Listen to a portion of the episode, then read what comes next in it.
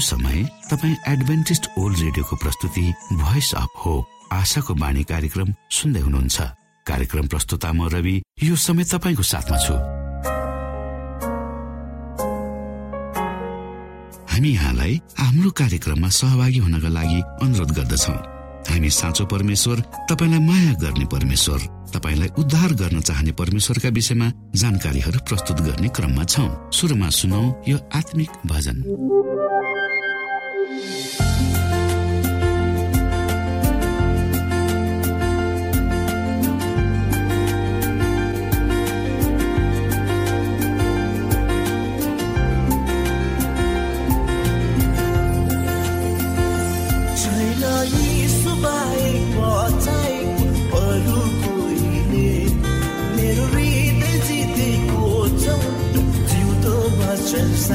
fogo.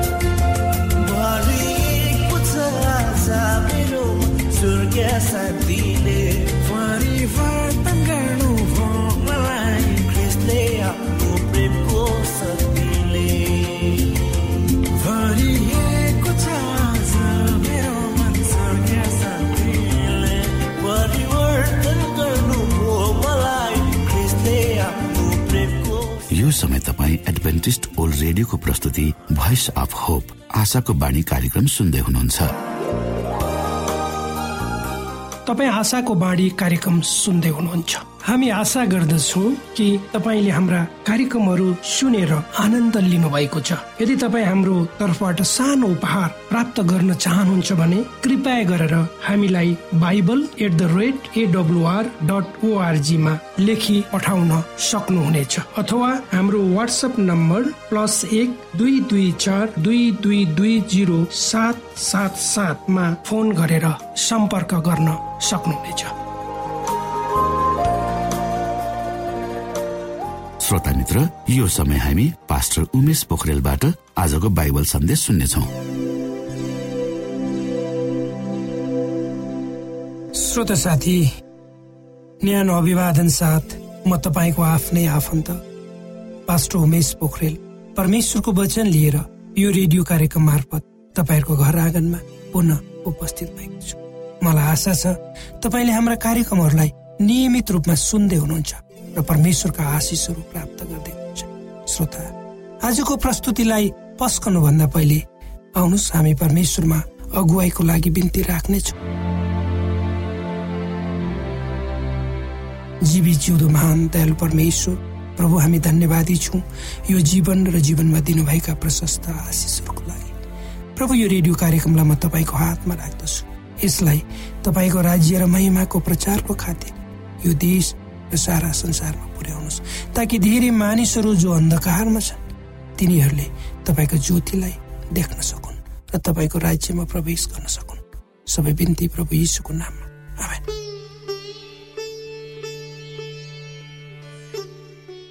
श्रोत साथी यो संसारका पहिला बासिन्दा आदम र हवा अदनको घरमा प्राप्त आनन्दद्वारा खुसी थिए। उनीहरूसँग स्वर्गदूतहरूको नियमित भेटघाट हुने गर्दथ्यो उनीहरू आफ्ना सृष्टिकर्तासँग प्रत्यक्ष कुराकानी गर्थे। उनीहरूको जीवनमा कुनै कुराको अभाव थिएन। जीवन बडो आनन्द साथ चलिरहेको थियो। तर एउटा अव्यक्त शक्तिले उनीहरूको सुन्दर संसार र जीवनमाथि अन्धकारले ढाक्न चाहन्थ्यो। स्वर्गीय परमेश्वरको शक्तिमाथि विजय हुन त्यो अदृश्य शक्तिले धेरै पटक प्रयत्नहरू गर्यो तर सकेन। तर पनि सैतानका दूतहरूले उसका खराब योजनाहरू परमेश्वरको सृष्टिहरूमा लागू गर्ने कोसिस भने गरिने रहे आदम र हवालाई उनीहरूको संसारलाई नष्ट पार्ने कुरा।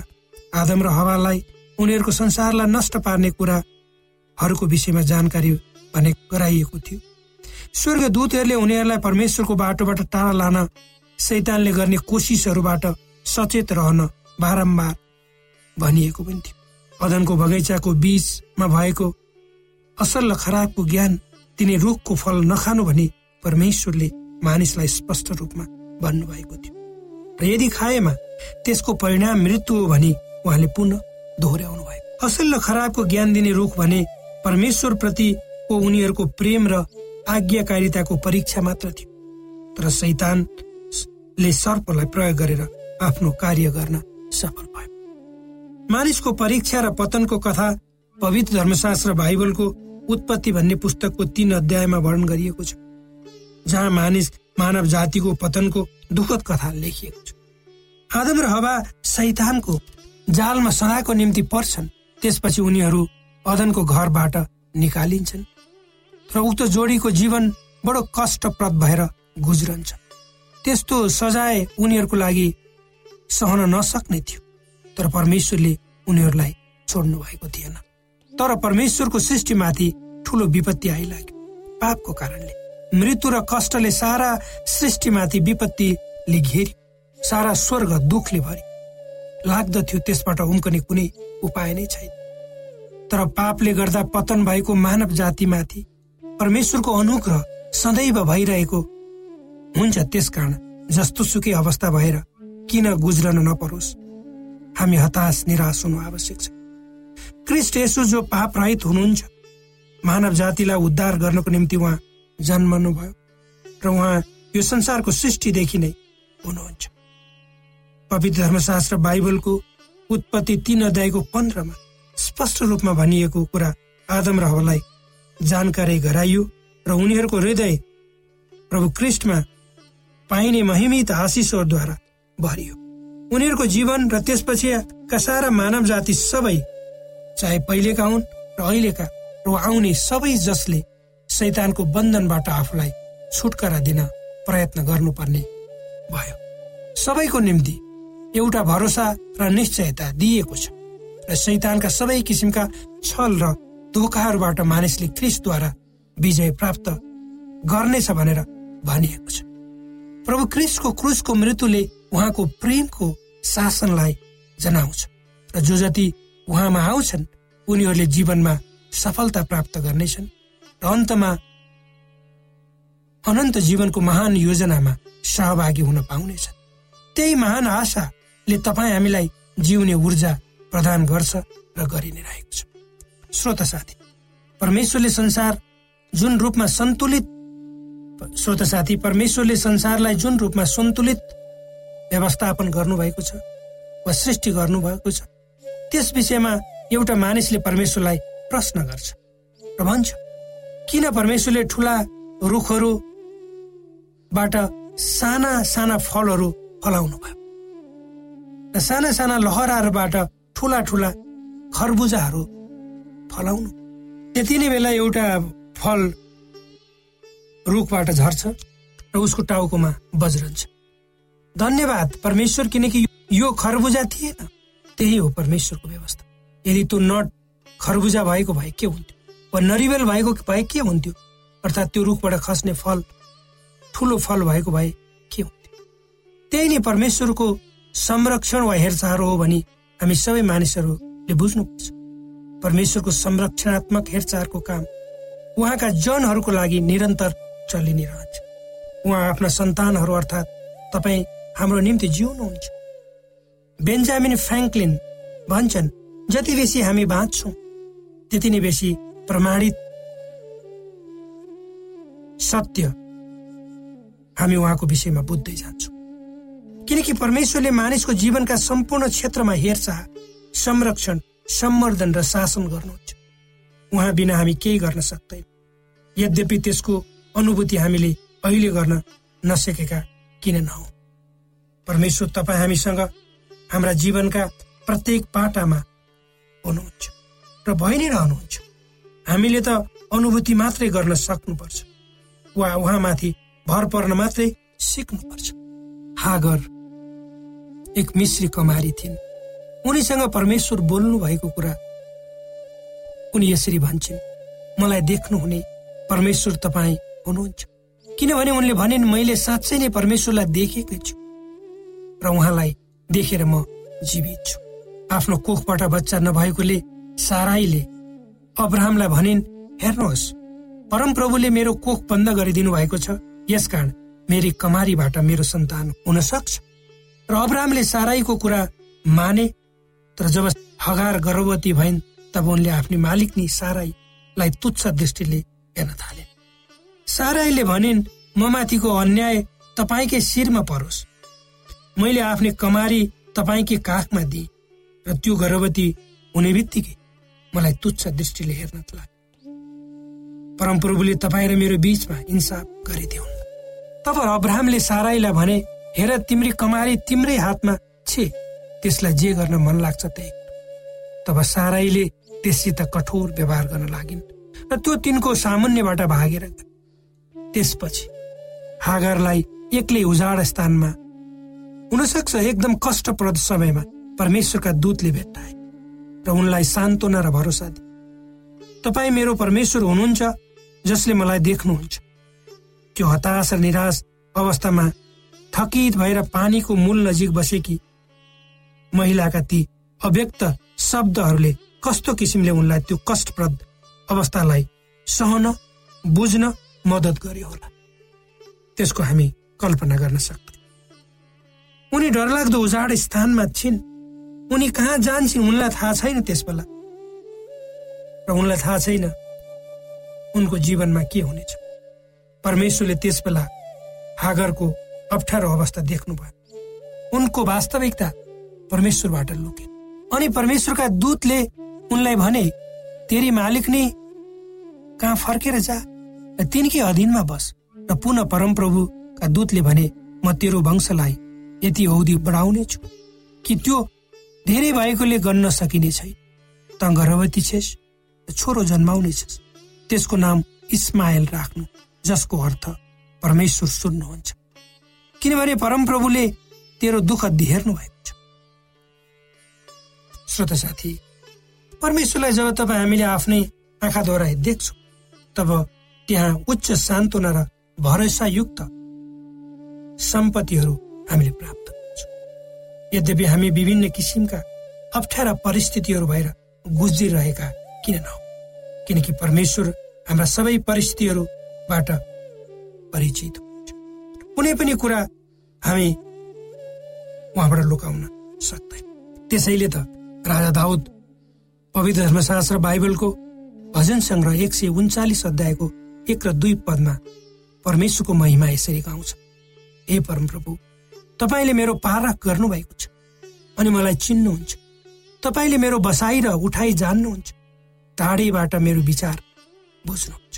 त्यसै गरी भजन सङ्ग्रह बत्तीसको आठमा परमेश्वर भन्नुहुन्छ म तँलाई शिक्षा दिनेछु। त कुन मार्गमा हिँड्नु पर्ने हो सो तँलाई सिकाउने छु म तँलाई परामर्श दिनेछु र तँमाथि नजर राख्नेछु। यो पदले हामीलाई परमेश्वरसँग हाम्रो सबभन्दा नजिकको सम्बन्ध र निरन्तर सङ्गतिको कुरा हामीलाई बताउँछ। श्रोत साथी परमेश्वरको एक नजरले मात्र हामीलाई हाम्रो जीवन कतातिर जानुपर्ने हो सो स्पष्ट बताउँछ र हामीलाई अगुवाई गर्छ। परमेश्वरले यी वचनहरूद्वारा तपाईँ र मलाई अगुवाई गर्नुहोस्।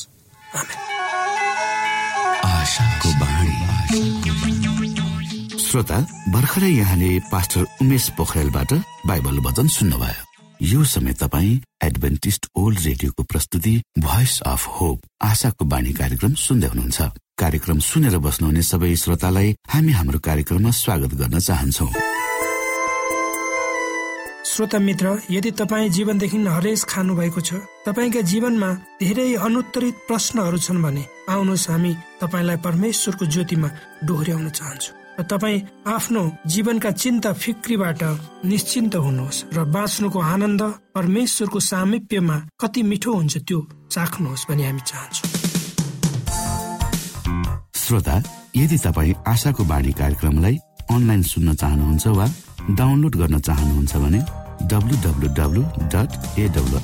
डट ओआरजीमा जानुहोस्।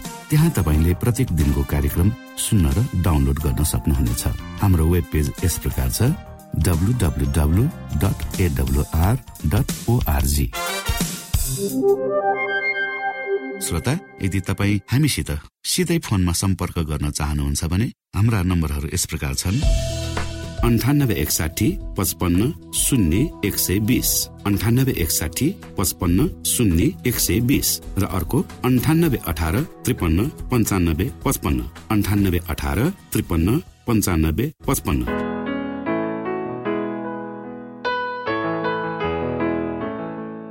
यो एडभेन्टिस ओल्ड रेडियो हो। तपाईँ आशाको बाणी कार्यक्रम सुन्दै हुनुहुन्छ। यस सम्बन्धी थप जानकारीको लागि कृपया गरेर हामीलाई सम्पर्क राख्न सक्नु हुनेछ हाम्रो इमेलको ठेगाना Bible at the rate AWR dot ORG अर्थात् BIBLE at AWR dot ORG हो।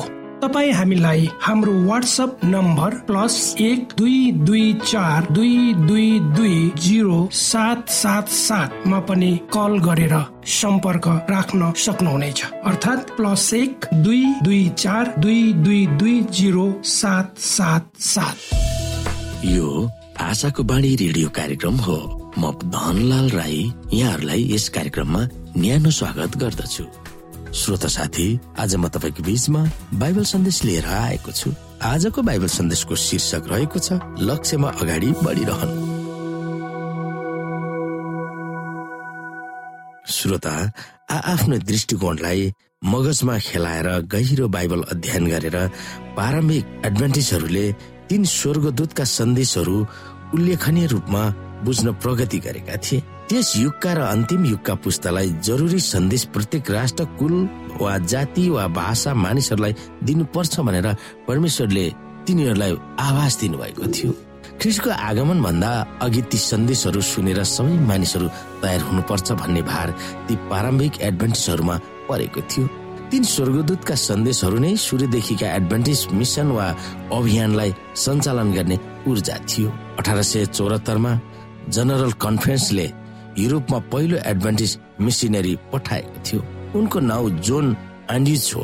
हामी सबभन्दा सक्षम व्यक्ति भनेर उनको बारेमा दिदी एलेन्जो हेडले सम्बोधन गर्नुभएको कुरालाई हेर्न सक्छौ। एन्ड्युज कमसे कम सातवटा भाषाहरू बोल्थे। उनले नयाँ करारलाई कण्ठ पारेका थिए र उनलाई प्राय जसो सबै पुरानो करारको बारेमा पनि ज्ञान थियो। उनी धुरन्धार विद्वान थिए र विलक्षण लेखक थिए। प्रभावकारी प्रचारक र सबैभन्दा प्रतिस्पर्धा गर्न सक्ने थियोलोजियन वा ईश्वर विज्ञानको मूर्धन्य बाइबल शास्त्री थिए।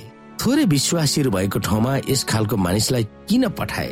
अपरिचित मिसन क्षेत्रमा यस्तो अत्यन्तै सक्षम व्यक्ति किन पठाइयो फेरि आफ्नै देश र घरमा रमाएर बस्नुको सट्टा उनी किन जान राजी भए? केही वर्ष अघि उनकी श्रीमती मरेकी थिइन्। अमेरिकामा रहेको आफ्नो परिवार र साथीहरूलाई छोडेर आफ्ना दुई छोराछोरीहरू साथ अपरिचित देशमा जहाजबाट जान उनी किन तयार भए त्यो पनि यसुको निम्ति आफ्नो जीवनलाई जोखिममा पारेर। त्यसको लागि केवल एउटै मात्र कारण छ यसो छुट्टै आउनुहुन्छ भन्ने सन्देशलाई उनले विश्वास गरेका थिए र अन्तिम समयको अन्त्यको सन्देश सबैमा फैलिनु पर्छ भन्ने कुरालाई उनले विश्वास गरेका थिए। सेभेन डे एडभान्टेजको इतिहासमा हाम्रो तेजिलो र अत्यन्तै सक्षम मानिसहरू अन्तिम सुसमाचार सुनाउन संसारभरि यात्रा गरिरहेका थिए। तिनीहरूमा शिक्षकहरू डाक्टरहरू स्वास्थ्य कर्मीहरू किसानीहरू यान्त्रिक पेसाका मानिसहरू सिकर्मीहरू र सबै खालका व्यापारीहरू थिए। कोही चर्चका कर्मचारीहरू थिए भने प्राय जसो थिएन। तिनीहरू चर्चको तलब नखाने सर्वसाधारण विश्वासीहरू तर दक्ष जनशक्ति थिए जसले यसुको छिट्टो आगमनलाई विश्वास गरेका थिए। हामी बाइबलमा केही पदहरू हेर्न सक्छौ। अनि अर्को स्वर्गदूतलाई मध्य आकाशमा उडिरहेको मैले देखेँ। पृथ्वीमा रहने हरेक जाति कुल भाषा र मानिसहरूलाई घोषणा गर्ने अनन्त सुसमाचार तिनीसँग थियो। प्रकाश चौध अध्यायको छ तर पवित्र आत्मा तिमीहरूमा आउनु भएपछि तिमीहरूले शक्ति पाउनेछौ र तिमीहरू एरिस्लेममा सारा यहुदियामा सामरियामा र पृथ्वीको अन्तिम छेउसम्म मेरा साक्षी हुनेछौ। र अनि राज्यको यो सुसमाचार सारा संसारमा सबै जातिहरूका लागि गवाईको निम्ति प्रचार गरिनेछ त्यसपछि अन्त्य आउनेछ भनेर हामीले हेर्यौं मत्ती चौबिस अध्यायमा। अनन्तको सुसमाचार कुनै भौगोलिक सिमाना भन्दा पनि अपार छ। पृथ्वीको अनकन्टार क्षेत्रहरूमा यो सुसमाचार पुगिन्छ। प्रत्येक भाषा र संस्कृतिका मानिसहरू यो पुगिरहेको छ। बिस्तारै सारा संसारमा नै यो ढाक्नेछ। यो कस्तो चकित पार्ने कुरा हो कि हाम्रो सन्देश राष्ट्र संघले मानेका दुई सय पैतिस देशहरू मध्ये दुई सय दस भन्दा बढी देशहरूमा पुगिसकेको छ। सुसमाचार सुनाउने काममा तपाईँको भूमिका के छ वा कसरी तपाईँले खेलिरहनु भएको छ? संसारको प्रत्येक देश भाषा जाति मानिसका तीन स्वर्गदूतका सन्देशहरू पुर्याउन मदत गर्न हामीले के गरिरहेका छौँ? ती विषयमा हामी सोच्न सक्छौ। हामी भन्दा ठुलो भागमा हामी कसरी साझेदारी अथवा भागेदारी हुन सक्छौ भन्ने तर्कलाई हामी सोच्न सक्छौ। हामी यस संसारमा थोरै समयको निम्ति छौँ र केवल धेरै थोरै भए पनि बाँच्न सङ्घर्ष गरिरहेका छौँ। यस संसार भ्रष्ट छ बिग्रिएको छ छेद विच्छेद भएको छ र कतिपल्ट हामी निराशै निराशको भुमरीमा छौँ।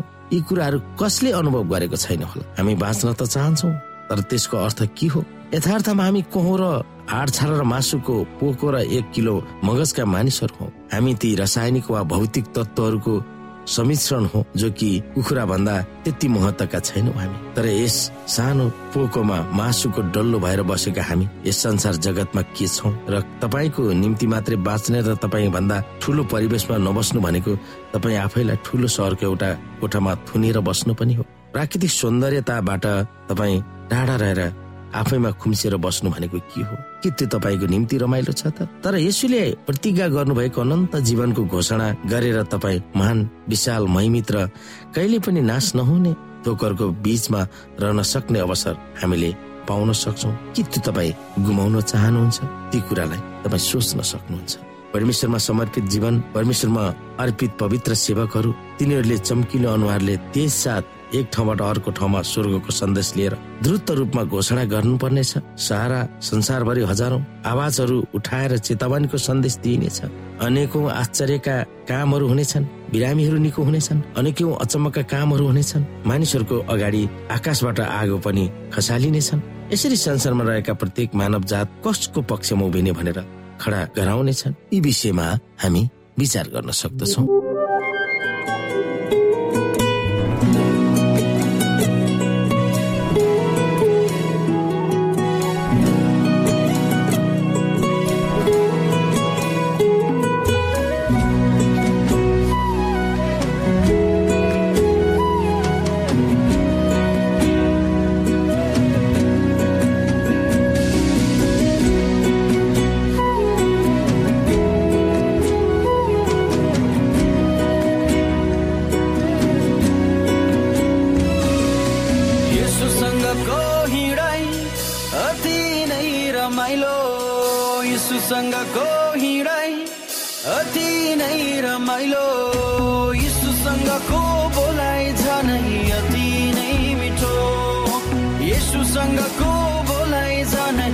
अति नै मिठो।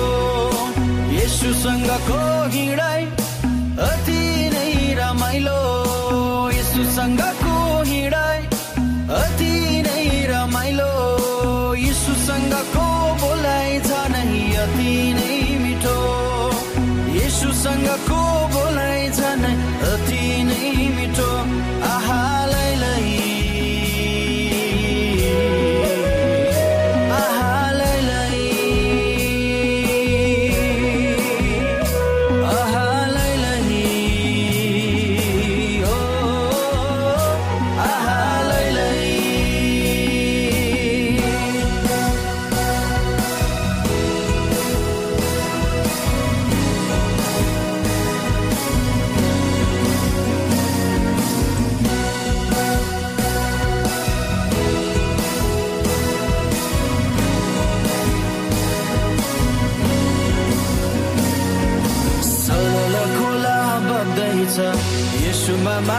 जीवन छ सलल खोला बग्दैछ यसुमा मात्रै जीवन साँच्चै हो।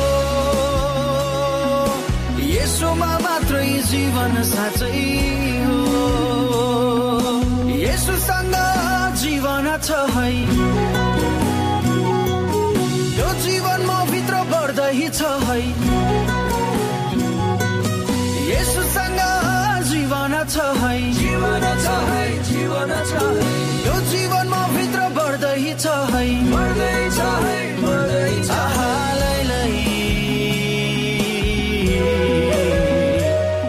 यो समय तपाईँ एडभेन्टिस्ट ओल्ड रेडियोको प्रस्तुति भोइस अफ होप आशाको बाणी कार्यक्रम सुन्दै हुनुहुन्छ।